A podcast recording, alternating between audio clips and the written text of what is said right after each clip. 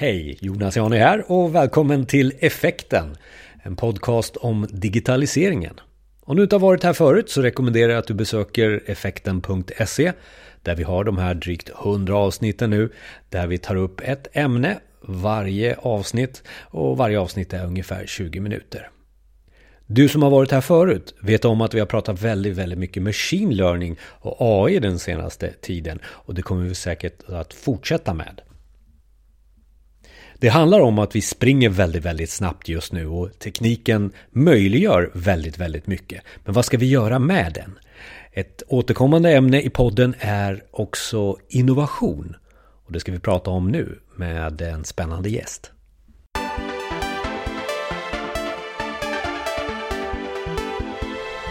Välkommen till Effekten. Det här är digitaliseringens podcast och vi är på CEO Trend 2019. Och Håkan Osan, eh, det här med framgångsrik innovation. Vad, vad är det till, för dig? Eller vad är innovation för dig rättare sagt? Eh, tack för att jag får vara här. Varsågod. Börja med. Eh, ja, låt mig börja i änden vad innovation är överhuvudtaget. Det är någonting som eh, min erfarenhet är att det är någonting som inte bara är subjektivt per person utan extremt subjektivt även per organisation. Det är inte helt sällan när jag pratar med organisationer som står där med problematiken att vi försöker faktiskt hitta något sätt att gemensamt se på innovation hos oss. Men ofta så är det ingen som har riktigt det ansvaret heller. Att ta fram den definitionen så finns en samsyn på vad man räknar som innovation. Många ser det som något otroligt inkrementellt. Man blandar ihop innovation, det är lite av ett buzzword ibland varenda förbättring du gör kallar man för en innovation helt plötsligt. I mitt perspektiv skulle jag nog klassa ut det som en icke-innovation här i ärlighetens namn. Men det behöver samtidigt inte vara en radikal innovation, alltså någonting disruptivt som förändrar hela marknaden. Utan det måste vara relativt nytt åtminstone för någon i kretsen. Och för, för, man brukar prata om det här, är det innovativt för mig, är det innovativt för mitt team, för min avdelning, för min organisation, för min bransch, för hela världen? Liksom. Men bara man fastställer för sig själva egentligen, vad är det vi anser vara innovativt? Så vad anser du är innovativt sådär som ett begrepp? Jag föredrar, eh, ska jag säga, eh, eftersom jag har forskat eh, ämnet i många år också, eh, perspektivet att åtminstone ska vara nytt för branschen.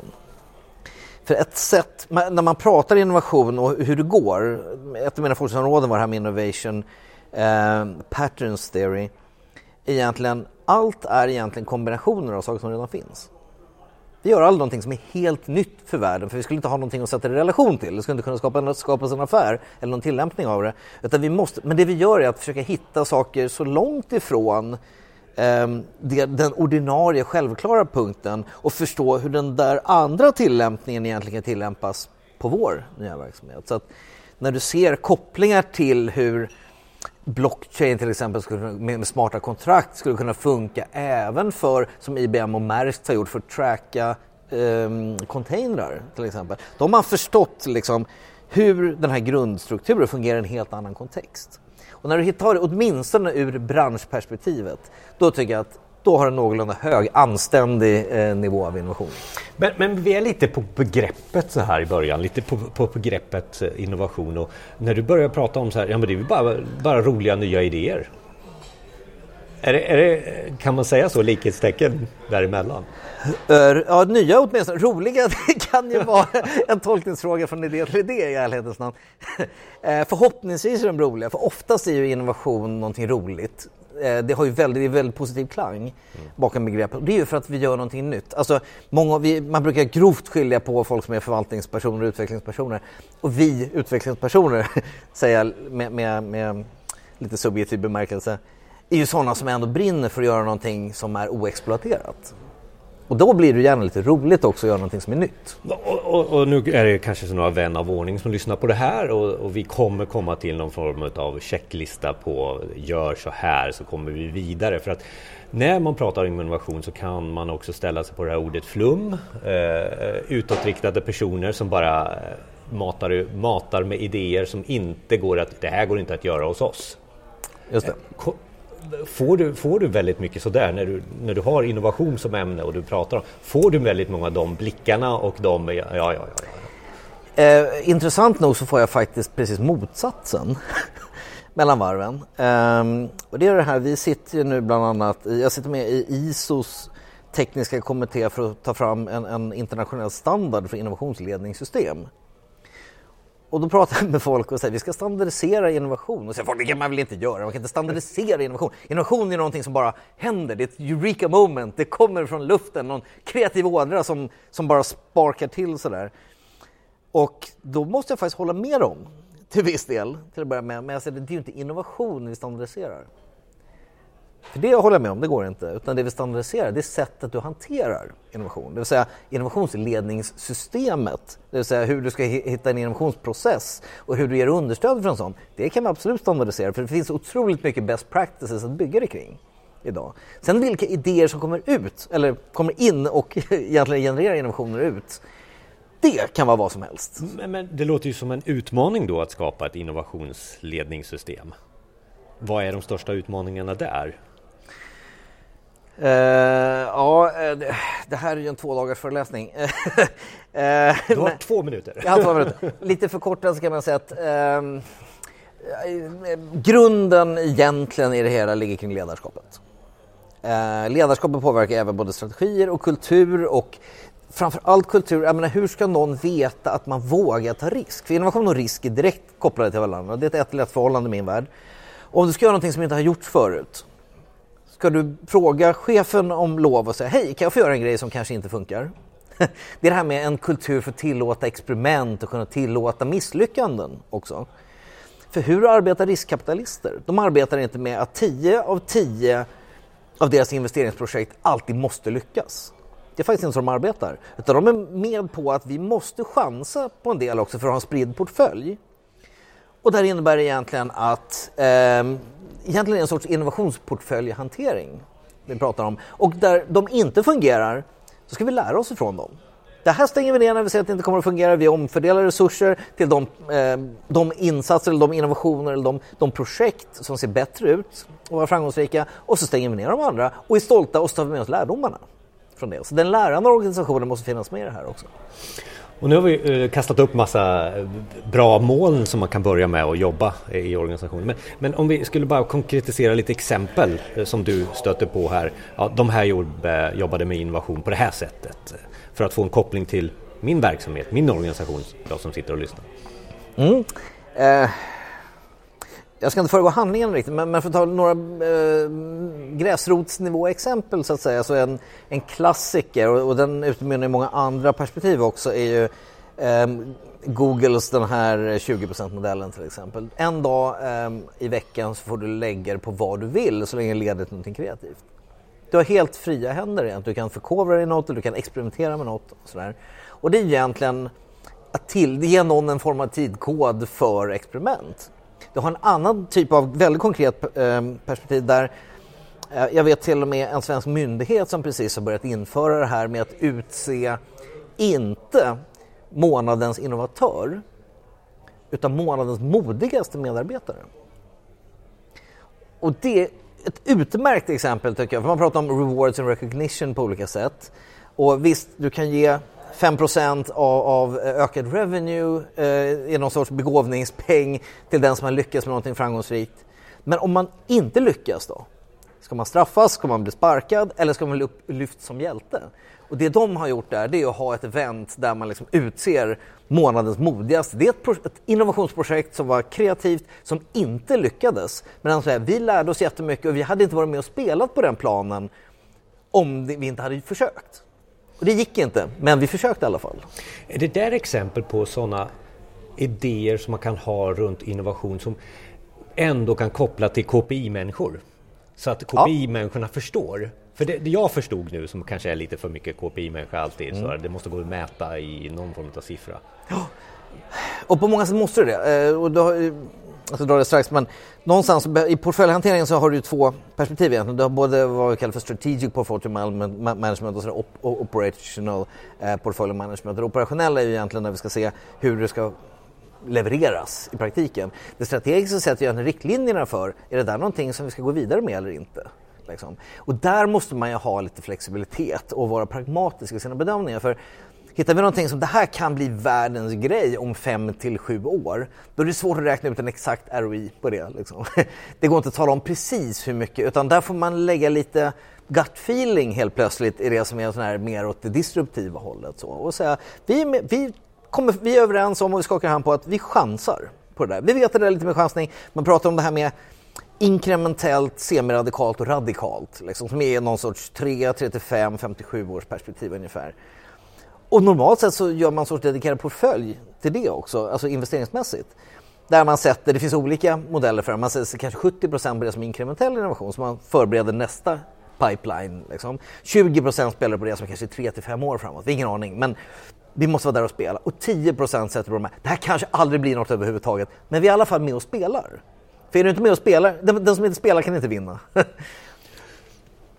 Alltså oerhörda, oerhörda intressanta, för jag ser en powerpoint-presentation framför mig här som, mm. så, runt omkring det här. Men återigen, koppling till exempel. Nu, nu mm. valde du ju eh, IT-utvecklingsföretag och utvecklingsprinciper antar jag. Nu vet jag inte vad myndighetens avdelning principiellt är. Men, men eh, har du några mer konkreta så, exempel på innovationsframgångar som man har lyckats med? Vi har hela perspektivet med öppen innovation också. Vi kommer traditionellt från och det är ju där IT är en möjliggörare eh, helt plötsligt. Det är därför det har växt fram ganska mycket, det som är alltså crowdsourcing eh, ur innovationsperspektiv egentligen. Eh, där, för att bara ta ett exempel, vi har eh, några gäster här idag från Topcoder ehm, som är, är, är, eh, ska upp och tala alldeles strax. De har en sorts lösning där du, du eh, egentligen submittar din problemställning in till en plattform som har hundratusen olika solvers där ute. Problemlösare från alla möjliga branscher. Och det har gjorts en del forskning, eh, både på Topcoder men även andra plattformar, som har varit fantastiskt givande där man har sett att organisationer som har suttit med allvarliga affärsproblem, både tekniska som, som eh, av affärsmässig struktur, eh, inte har lyckats på 12 till 24 månader att knäcka den här nöten. När du submittar dem till den här typen av Innovation Marketplace så var den genomsnittliga lösningstiden till att man fick ett affärsmässigt veritabelt eh, eh lösningsförslag 76 timmar. Och då tittar man på varför är det så egentligen?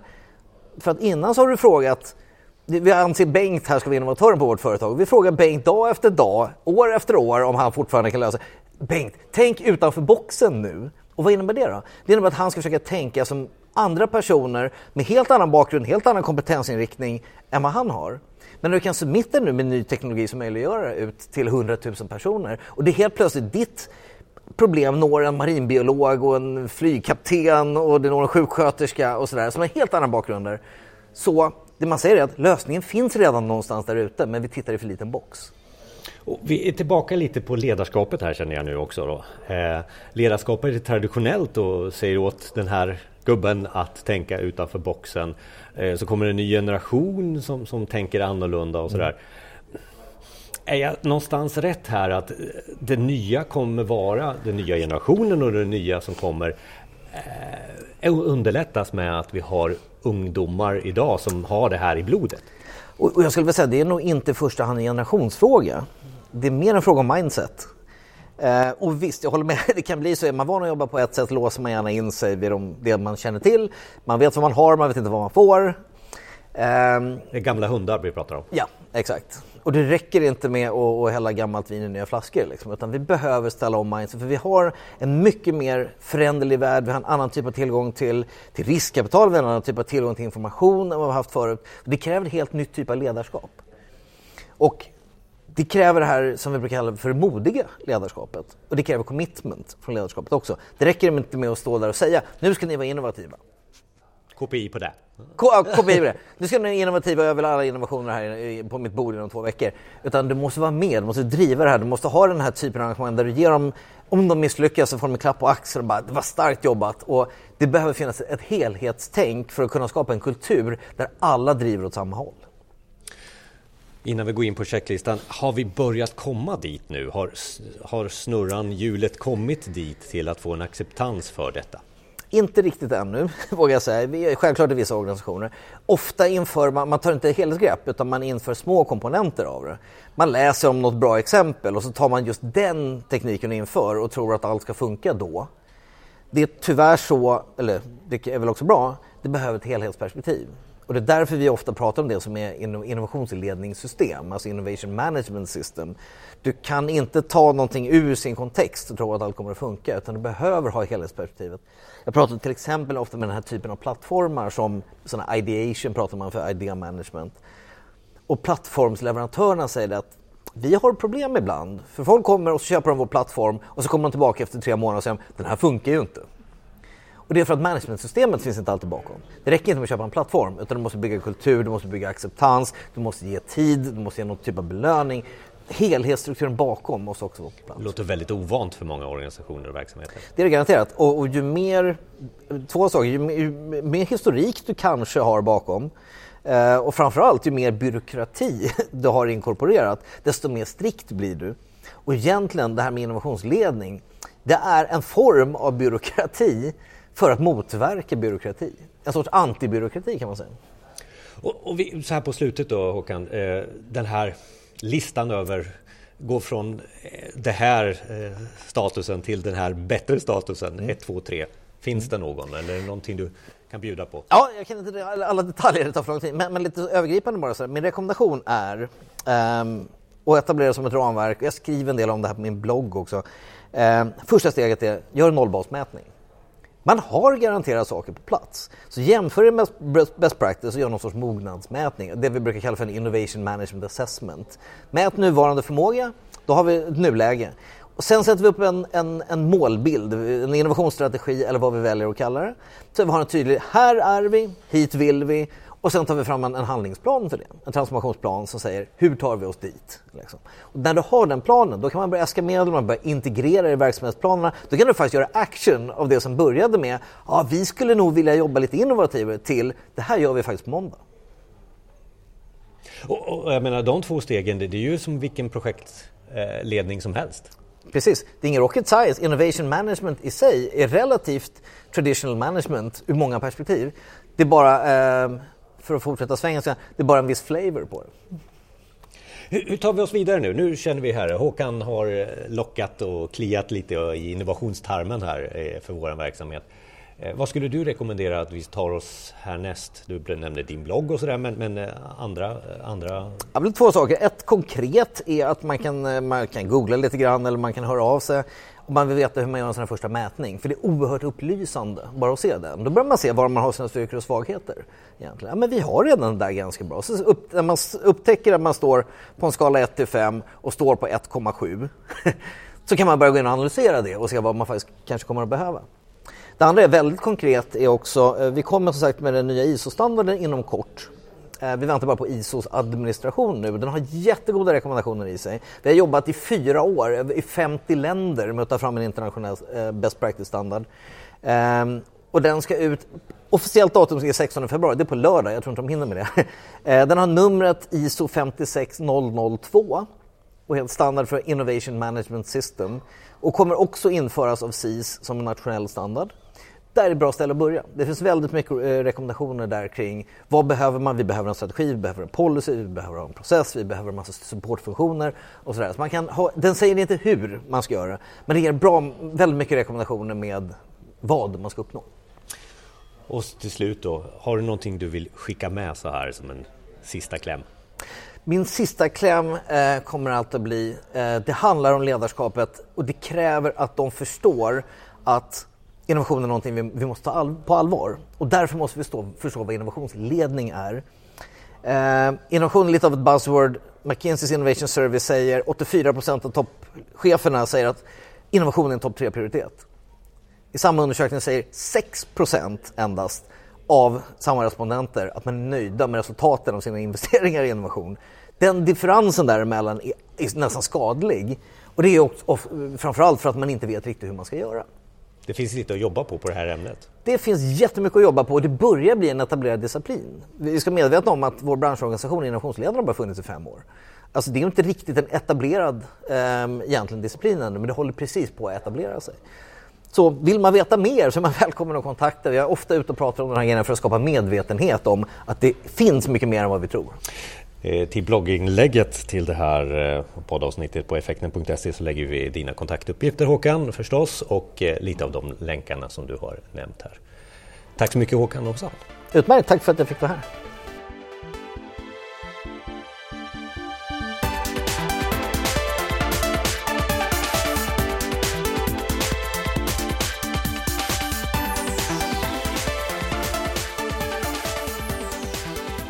Tack för att du lyssnar på Effekten. Mer info om det här avsnittet finns på effekten.se och där kan du också lyssna på de andra avsnitten som då till exempel väldigt, väldigt mycket avsnitt om AI just nu.